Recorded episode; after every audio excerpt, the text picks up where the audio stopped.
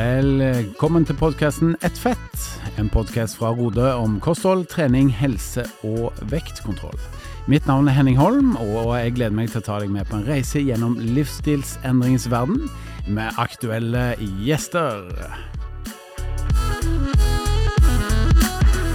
Velkommen, velkommen. Vi er tilbake igjen med podkasten Ett fett. Og jeg sitter her, Henning, og jeg har med meg min ja, ikke gode venn, men eneste venn. Halvor Laustad er på plass. Og vi skal i dag diskutere 5-2-dietten. Og da vet jo alle som lytter på at da må vi ha kyndig ekspertise med oss. Så i dag har vi med oss Karoline og Unni. Begge utgjør jo veldig mye av det faglige alibiet til Rode, faktisk. Så velkommen. Tusen takk. Takk.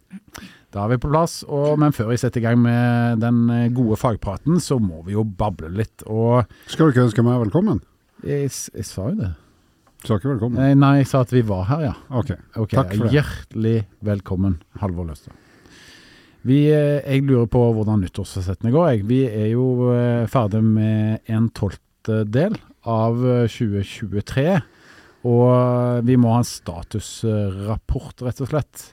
Um, Halvor, hvordan ligger du an med nyttårsforsettene? Jeg har hatt en utrolig utvikling på grønnsakinntaket mitt. Uh, utrolig basert på utgangspunktet som var elendig. Så uh, jeg spiser grønnsaker hver dag, og jeg har faktisk gjort det hver dag.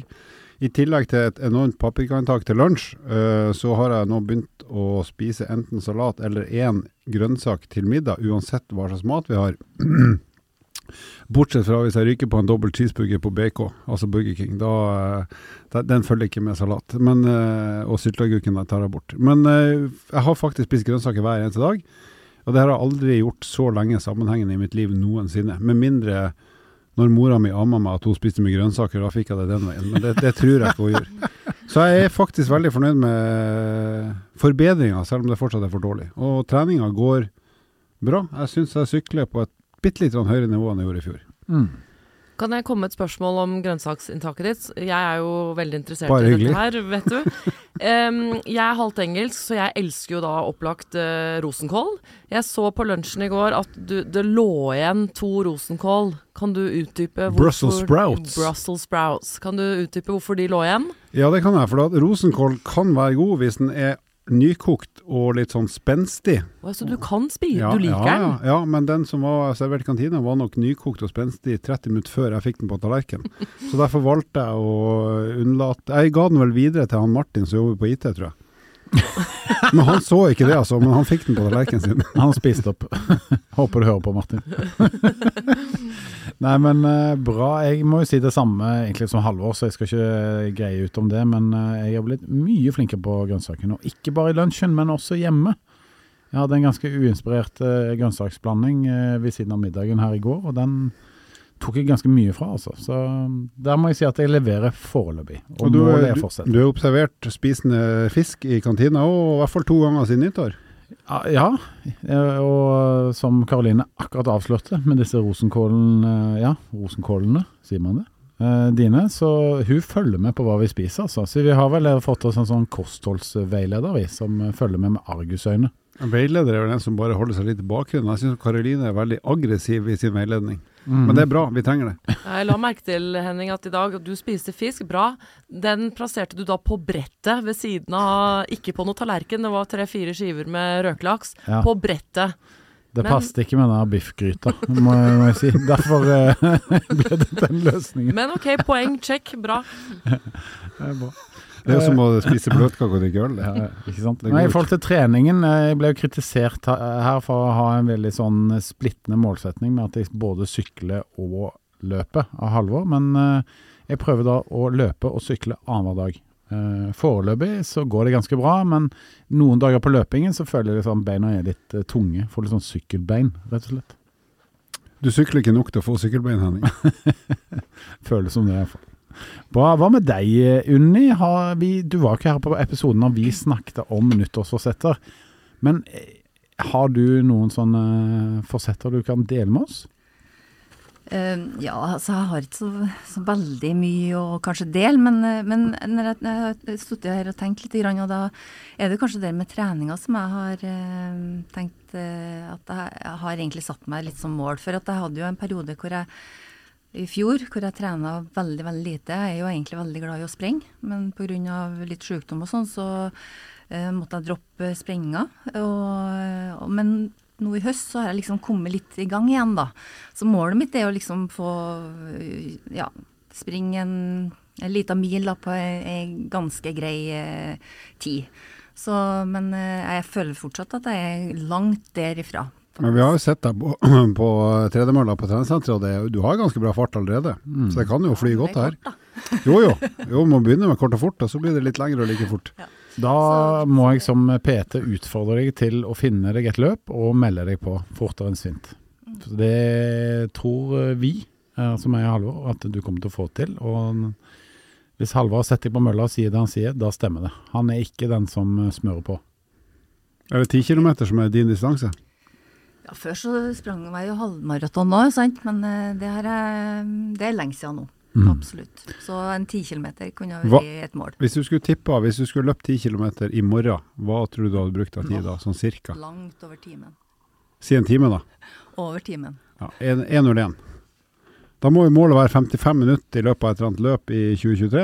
Oi, da kan vi sette målet for deg, så får du godta det eller ikke. Åh, nå angrer jeg meg hvorfor jeg sa det. Veldig bra, det er kult. Da har vi det dokumentert. Men eh, både meg og deg, Karoline, vi har jo meldt oss på Birken. Vi skal løpe den 10. juni. Da er det 21 km og 195 meter inn i eh, skogene på Lillehammer. Det, det blir gøy. Det blir kjempegøy. Jeg gleder meg. Mm, da er målet mitt at jeg skal slå Karoline. Og målet mitt er å slå Henning. Jeg skal få han til å sykle så mye at du slår han lett. det blir gøy uansett. Men vi har jo et spennende tema i dag, eh, Halvor. Eh, vi jo, eh, har jo hatt episoder før hvor vi har snakket om fasting. Spesielt én episode vi dedikerte til 16-8-dietten. Og nå i dag skal vi snakke om 5-2-dietten. Uh, og her vil jeg bare si til lytterne våre at uh, Halvor han skal fortelle om den ene dagen på 5-2. Og det blir ganske spennende lytting. Så heng med oss. Vi er tilbake om noen få sekunder. Hei, dette er Henning fra podkasten Et fett. Visste du at Rode nå har lansert et medlemskap? Med medlemskapet så kan du gå ned i vekt, holde på vekten, eller rett og slett bare kontrollere at vekten ligger der han skal. Så ta en titt på hjemmesidene våre på rode.com. Velkommen til oss. Ja, som sagt så er dagens tema 5-2-dietten, og for lyttere som da ikke er kjent med den dietten her, vil du da fortelle veldig sånn enkelt om den, Halvor? Ja, siden jeg er kostholdseksperten her. jeg har lest meg litt opp, og så kan de som kan det, supplere meg som vanlig. Men 5-2-dietten eh, er sånn kort forklart. Også en sånn periodisk fastevariant, men der spiser du egentlig som du vanligvis gjør i fem døgn. Og så spiser du ikke som normalt i to døgn, og da er det vel vanlig sånn mandag til fredag er vel de vanlige dagene. Og så helga, der skal du holde deg på et veldig lavt kaloriinntak, så det er et sted mellom 500 og 600 kalorier per døgn på de to dagene du skal drive med det som er, det er tilnærma faste. Så spis som vanlig fem døgn, og så er det minimalt eh, matinntak og kaloriinntak i to døgn. Det er vel veldig kort forklart, men kanskje litt supplement fra noen av dere som kan det her ordentlig. Ja, det er riktig det du sier, Halvor. Er, vi pleier å si at det er 500 kilokalorier for kvinner, og så litt mer, 600 for menn. Ja, og jeg prøvde meg da på 600.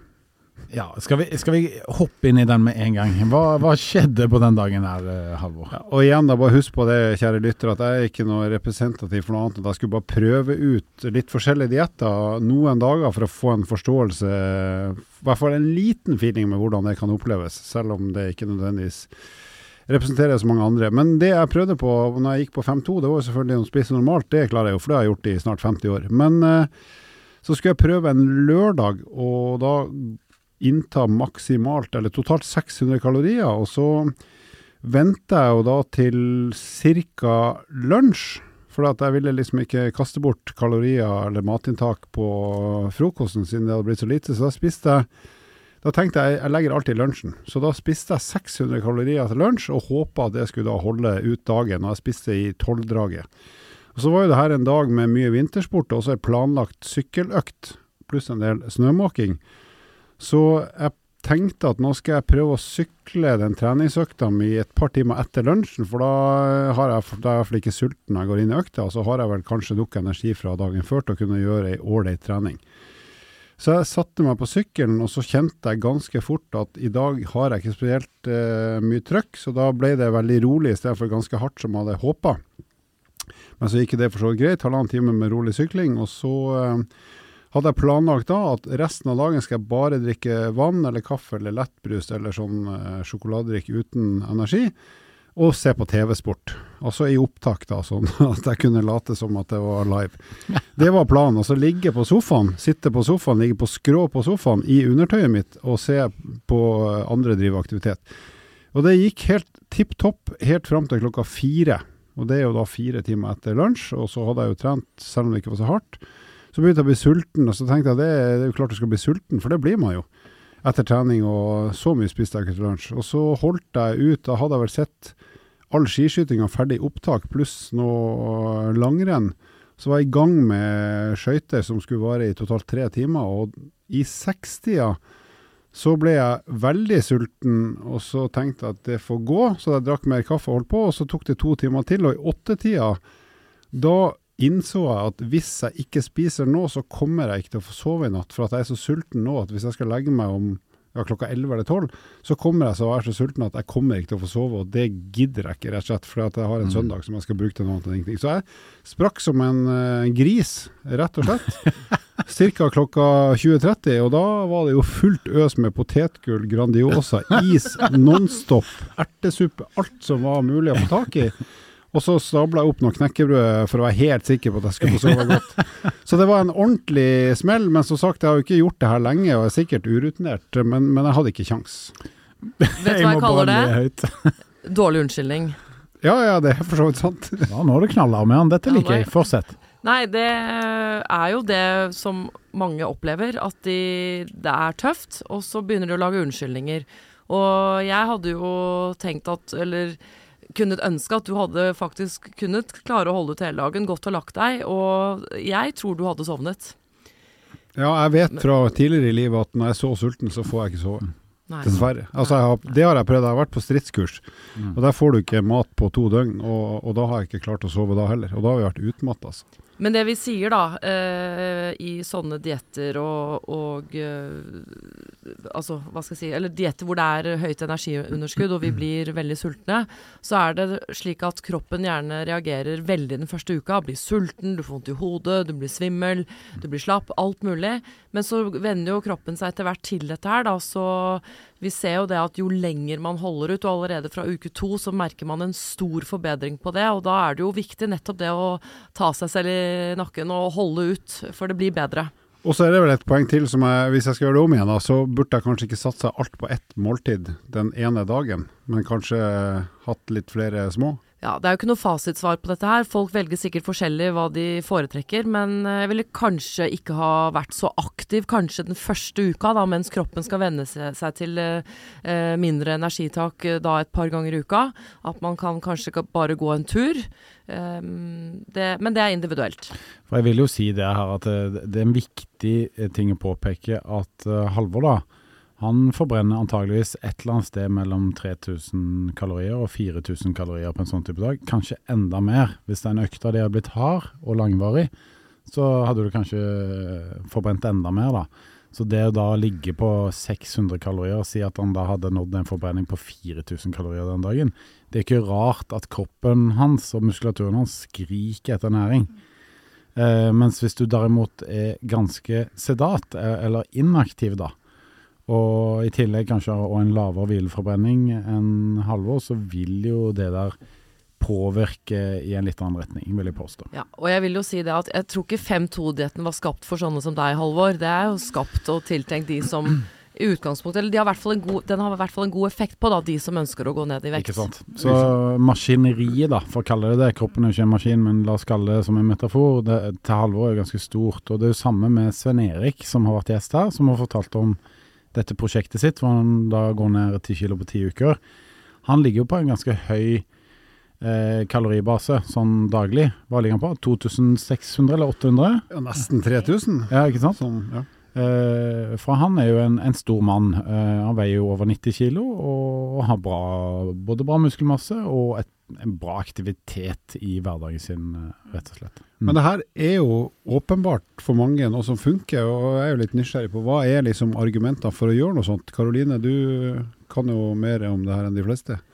Ja, altså det er jo etter hvert gjort mye forskning på 5-2-dietten, og vi har jo vår øh, norske kliniske ernær ernæringsfysiolog Tine Sundfør, som mange har øh, god kjennskap til, hun har jo faktisk en, gjort en doktorgrad på dette her. Hvor hun da fant ut at øh, både 5-2-dietten og jevnt energiunderskudd, eller jevn energireduksjon, sånn som vi driver med Rode, er effektivt for vektreduksjon. Og for å minske risikoen for hjerte- og karsykdom, diabetes type 2 osv. Men ingen av de to metodene er mer effektiv enn den andre. Det oppdaget hun. Så hvis man da ønsker å gå ned i vekt og, og forbedre ulike helseparametere som dette her, så er det flere, mange veier til rom, da, for å si det sånn. Det, det handler ikke bare om, om fasting. Um, så det er jo en stor fordel. Og så har man etter hvert også flere studier som viser at det er bra i forhold til å forebygge kreft. Det bedrer blodtrykket, det bedrer kolesterol. Uh, sukkerinnhold i blod. Og så har man også sett det at det går på det mentale også, forebygger demens. Det er livsforlengende, det holder oss eh, unge lengre. Og så ser man også da at det gir gjerne for mange da mer energi. Hvis man kommer over kneika og klarer å leve på 500 kilokalorier et par dager i uka, så gir det eh, på lang sikt mer energi, bedre søvn, og man blir eh, mentalt klarere, rett og slett. Det er noen av fordelene. Sistnevnte var det jeg hadde håpa på, å bli mentalt klarere. Men det, må holde ut litt lenger. Må holde lenger enn åtte timer, tror jeg. Og så er det jo en annen ting som er positivt med dette her, er at den eh, kalles en fleksibel diett. Altså du kan velge å bytte fastedager uh, alt ettersom. Uh, og uh, det kan gjøre det enklere å få til da, hvis du skal bruke en diett for å gå ned i vekt. Så er det her med at den gir et, en stor fleksibilitet, være en fordel for mange. Ja, så Veldig enkelt sagt så er det to harde arbeidsdager da, på, på, på prosjektet ditt hver uke, mens fem dager er litt mer normale, rett og slett. Andre typer sånne fastedietter som vi snakker om òg, er jo f.eks. 16-8-dietten, hvor du da spiser innenfor et uh, fast spisevindu. Mens dette her er jo mer fleksibelt, at du spiser jo når du vil og sånn. Det er bare to dager i uka er det en tøff dag på jobb. Mm. Men eh, altså, det må jo være noen ulemper med dette her òg. Eh, hva, hva tenker du er liksom utfordringene med type 5-2-dietten? Uh, nei, jeg tenker at uh, det at uh, man da Jeg syns det kanskje er litt skummelt, da. At man begynner å tenke på kanskje at 500 kalorier er greit å spise. Ba, altså det er et greit inntak, for det er jo veldig lavt. og jeg tenker at det er kanskje litt skummelt vi, hvis vi begynner å tenke i den retningen der. Og så tror jeg det er en stor sjanse for at man overspiser. Eh, etter den eh, faste perioden. Så, mm, så det at man, eh, man spiser så lite, og hvis en tenker hvor lite 500 kalorier da er, så det er jo egentlig bare et, godt, et beger med cottage cheese med litt nøtter og, og, litt syltetøy, eller det kan være en liten frokost med et par knekkebrød og en veldig mager middag. Så er det jo veldig magert. Og vi sier jo det at faste perioden, eller den, de to faste dagene, da, de eh, skal ligge på 25 av den anbefalte kaloribehovet sitt. Så det er klart at for din del, sånn eh, Halvor som da egentlig kanskje har et eh, Jeg kunne tatt mer. kanskje. Jeg tok mye mer, da. ja. men, men, ja, som sagt, jeg tenker at de dagene da, hvor man har den Eh, faste eh, sin, så, så, er det en del eh, ting med tanke på at jeg tror i hvert fall jeg hadde opplevd både det å fått blitt mye slappere, hatt mindre overskudd, og ikke minst eh, hatt lite overskudd til å trene, da. For å si det sånn. Jeg må bare stille et spørsmål for å være helt sikker. Når man er på 5-2, så er det de to dagene med faste eller veldig lite inntak. De skal være etter hverandre. sant? Det er ikke sånn at jeg kan ta tirsdag og så fredag, eller kan man det? Man kan eh, det velge en sjøl, oh, ja, og som okay. regel så bruker en å fordele utover uka. Men jeg har òg hørt at eh, man kan ha 6-1 eh, eller 3-4. Så det, det er litt forskjellige varianter, men det er jo 5-2-dietten som er kanskje Eller er de 5-2, da, som er den vanligste. Jeg vil bare trekke inn en ting som Unni er litt inne på. Det der at hvis du bruker 5-2 som en metode for å gå ned i vekt, men ender med å overspise da, disse andre dagene fordi, fordi du har spist så lite de to andre dagene, da går vinninga fort opp i spinninga. Og um, så vil jeg også trekke fram at vi ser jo at uh, dette er en diett som menn ofte tiltrekkes av. Uh, Jeg har ikke noen forklaring på det, men kanskje fordi at det er, det er enkelt. Det er spis hva du vil i, i fem dager, og så er det da dette strenge regimet to dager i uka. Og hvis du da har en plan, sånn som Unni viste nå, med nøyaktig hva du skal spise, så gjør det det jo ganske enkelt. Men basert på det dere kan, hva ville vært smart da, i forhold til å tenke skal jeg kjøre fem dager med normalt, to dager med lite, eller eh, hva slags miks av dager? Hvis man først skal gjøre det her, hva er det som er sannsynligvis lurt å gjøre da? Jeg tenker man må kanskje se litt på hvordan uka si er, da. Eh, og så velge de dagene som kanskje man er minst aktiv og har eh, ja, mest slekk på å gjøre det man ønsker i forhold til den. For jeg tenker Det har jo mye i forhold til det med å, å spise sammen med andre òg. Det er jo da eh, det sosiale. Så er jo det jo en liten utfordring, tenker jeg. Så hvis jeg skulle vært så teit og bare brukt meg sjøl som eksempel, da, ville jeg egentlig, hvis jeg skulle gjort det på nytt, så hadde jeg nok valgt to arbeidsdager. Fordi at da kunne jeg spist lunsj sammen med mine utmerkede kolleger, og så hadde jeg ikke verken hatt tid eller noe behov for å trene spesielt mye i ukedagene. Det har man ikke uansett. Så kunne jeg spart liksom min treningsinnsats øh, og matinntak til helga, da jeg har tid til å nyte både mat og tid til å trene mye mer enn jeg har i, i hverdagen, siden arbeidet mitt er veldig lite fysisk.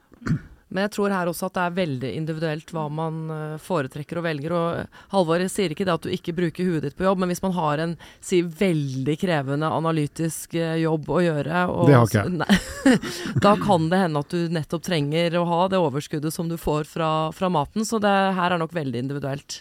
Så du anbefaler ikke for piloter eller eh, flyveledere å gå på 5-2? Heller ikke overleger. Yes. Nei, men eh, hvem kan dette passe ganske bra for, da? Nå har vi jo sagt litt om hvem det kanskje ikke passer for, og litt ulemper osv. Men mm, menn foretrekker det, sier vi, og ja. Hvem, hvem tror vi det passer for, eller passer det ikke for noen? Nei, altså Det kan jo passe for dem som ønsker å bruke det som en, eh, en metode for å gå ned i vekt. Eh, Men, eh, og jeg tenker jo at det er jo egentlig ikke så ekstremt. For hvis en tenker det totale kaloriinntaket på, i løpet av ei uke, da, som kanskje ligger på rundt 3500, så vil jo det tilsvare ca. en halv kilo ned i vekt i uka. Så det er jo egentlig ikke noe ekstremt sånn sett i den sammenhengen der. Så ja. Ja, og det kan bare tilføye, som Unne sier, at dette her er jo ikke på noen måte en revolusjonær eh, diett, sånn som eh, Eller ingen av disse faste diettene er det. Det er, rett, det er nok en måte å oppnå energiunderskudd på, og det er jo det det handler om hvis det er å gå ned i vekt som er målet. Den metoden som passer deg best for å oppnå et energiunderskudd. Men vi har snakka litt om, når vi snakker om 16-8, det her med at en del unge folk uh, driver med varianter av det. Uh, og så har dere sagt at det her er typisk noe som mannfolk kan hive seg på, for det er ganske enkelt samtidig som det er ganske rigid, sånn at du bare gjør det. Men øh, er, er, det, er det her noe som øh, f.eks. unge mennesker skal holde seg unna i utgangspunktet, eller?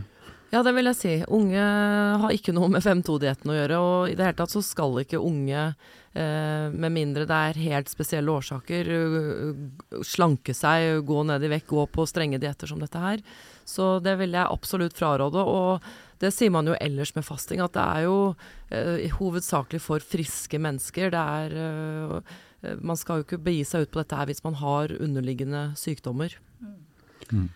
Og så tenker jeg det med regelmessighet òg, kanskje spesielt for unge og, og, og barn. da, ikke sant, Det med eh, kroppen, og, og de fleste har eh, godt av regelmessighet i hverdagen sin.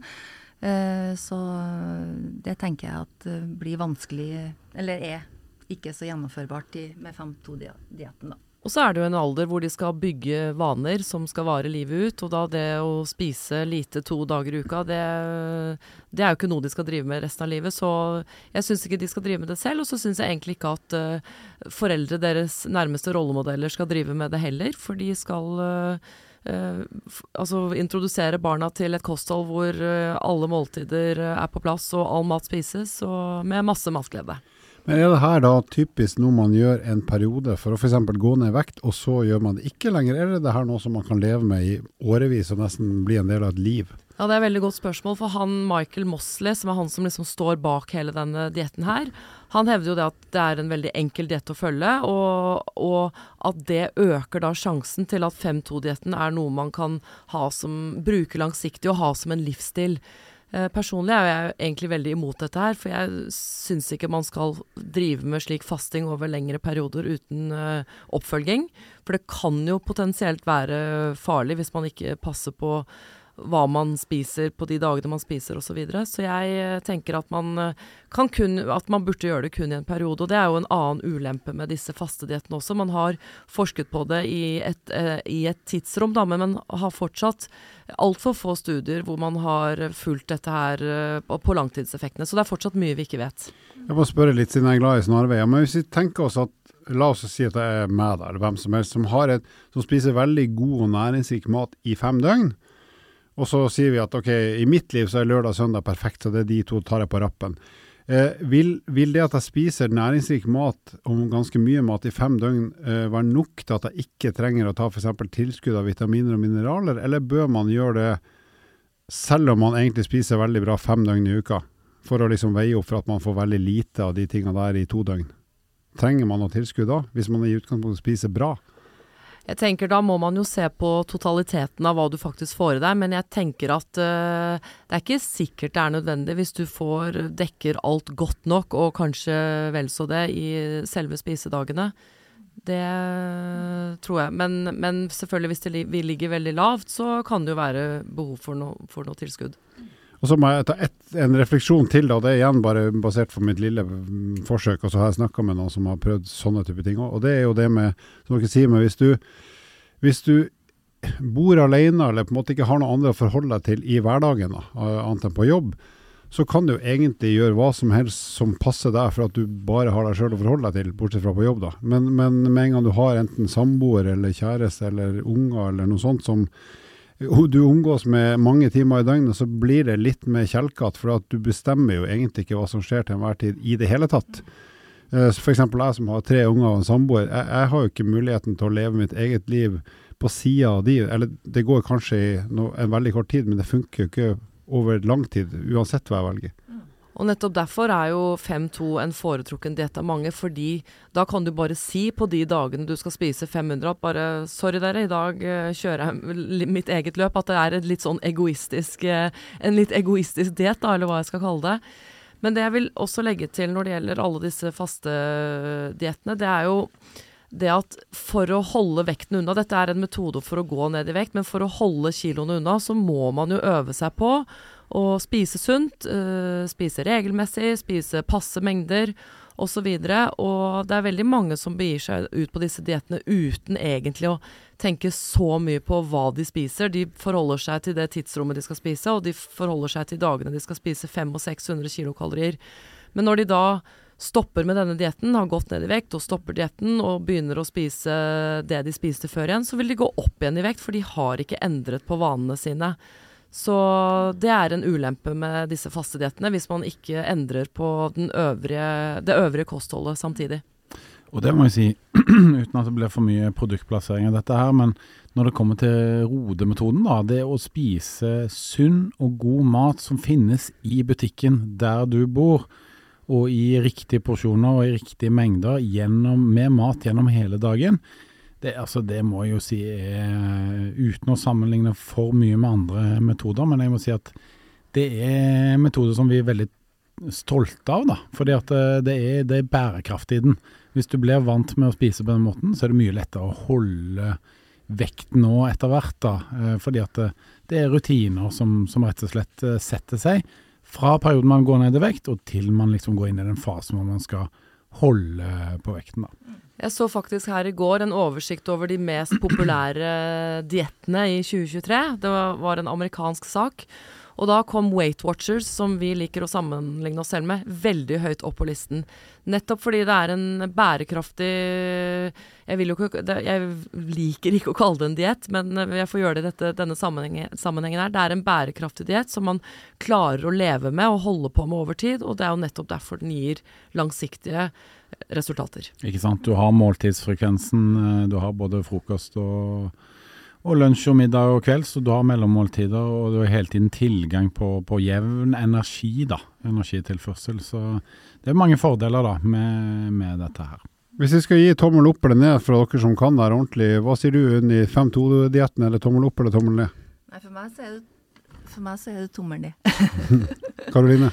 Ja, jeg jeg, er kanskje ikke så tommel ned som det Unni er, men jeg, jeg tenker at det er mange veier til rom. Det er individuelt hva som øh, den enkelte foretrekker, men øh, jeg vil øh, absolutt anbefale øh, andre metoder og vår metode. Jeg tror mange har bedre av å velge det enn fasting. Så jeg er litt sånn midt imellom.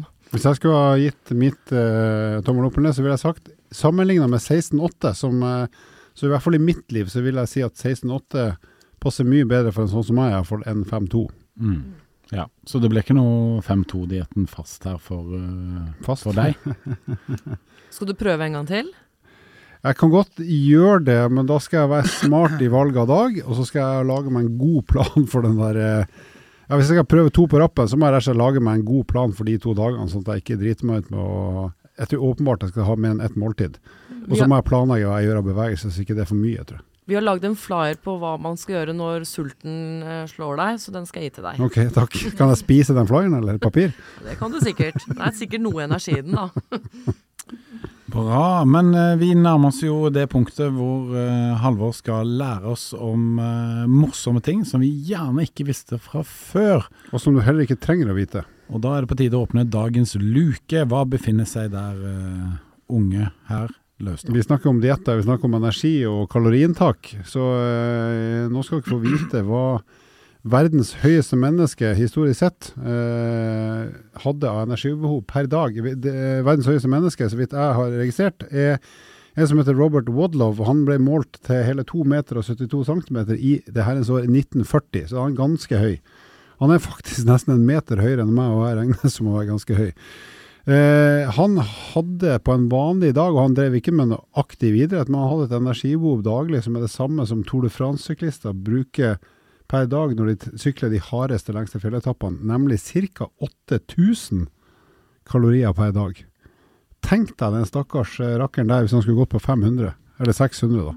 Eh, Du anbefaler ikke 5-2-dietten for han, Karoline, gjør du det? Absolutt ikke. Og jeg er jo veldig nysgjerrig på om han i det hele tatt klarte å få i seg all denne maten. På, hvilket årstall sa du? 1940. 1940? Det var rett før det var jo krigen og full Krigen. pakke. Ja. Noen amerikanere, altså, de begynte, var vel ikke med før i 41, de, men, eh, men eh, slitsomt. Tenk deg hvor lange sugerør man, han må ha hatt når han eh, skulle drikke cola på uh, Herlighet. Wow. Jeg kommer på noen andre problemstillinger også, må jeg innrømme.